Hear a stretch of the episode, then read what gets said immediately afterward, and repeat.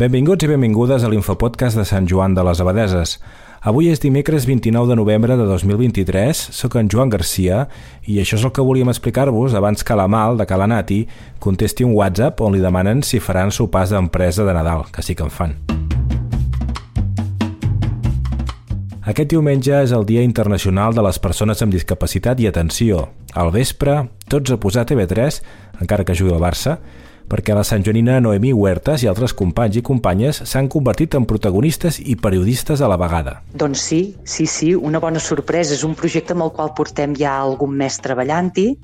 Uh, això és una iniciativa que ha estat treballant la Federació de Discapacitat Intel·lectual de Catalunya, d'INCAT, de la qual mm. formem part, uh, directament amb, amb TV3. Aquesta veu és de la Marta Roder, responsable de comunicació de la Fundació MAP. Exactament, en quin programa participaran, Marta? Es tractarà d'un telenotícies vespre, que es farà el mateix dia 3, que és un, el diumenge, per tant, a les 9 del vespre, que serà coeditat i copresentat per persones amb discapacitat intel·lectual. Caram, prime time, que en diuen.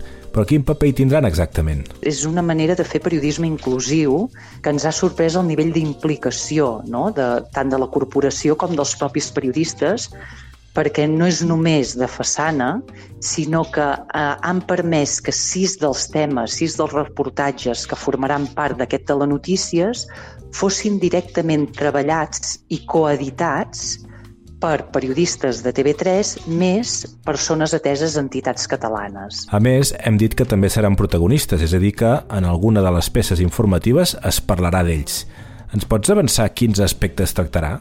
Un dels temes feia referència a tot el tema de sexoafectivitat i discapacitat i ja directament van dir aquest tema que el treballin amb la Fundació MAP mm -hmm. perquè sí que és veritat que a nivell català som molt pioners i disposem fins i tot un tècnic expert en sexoafectivitat propi. I això no és tot. Tot i que els periodistes de TV3 ja van venir a gravar fa uns dies, Diumenge la feina continua. Què més heu de fer? Dues de les persones que han sortit amb discapacitat intel·lectual en aquest reportatge tindran l'oportunitat d'anar el mateix diumenge a Barcelona, a Sant Joan d'Espí, a Barcelona, mm -hmm. no?, als estudis de TV3, on se'ls ensenyarà la peça per si ells consideren que hi ha d'haver alguna modificació, és a dir, ben bé, fins a l'últim moment podem decidir mm -hmm. uh, com serà aquest reportatge i se'ls convidarà també a participar del Consell d'Edició del propi Telenotícies per decidir conjuntament amb els periodistes de l'equip, en aquest cas d'en Ramon Pellicer, uh mhm. -huh. a l'ordre, l'escaleta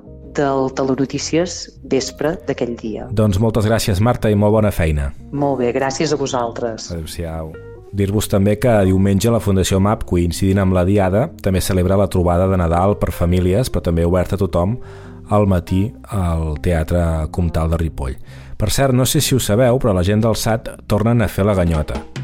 No, no s'han tornat uns maleducats i no patiu que ni la Blanca, ni la Maria, ni en Marcel ni en Pep us faran cares estranyes pel carrer.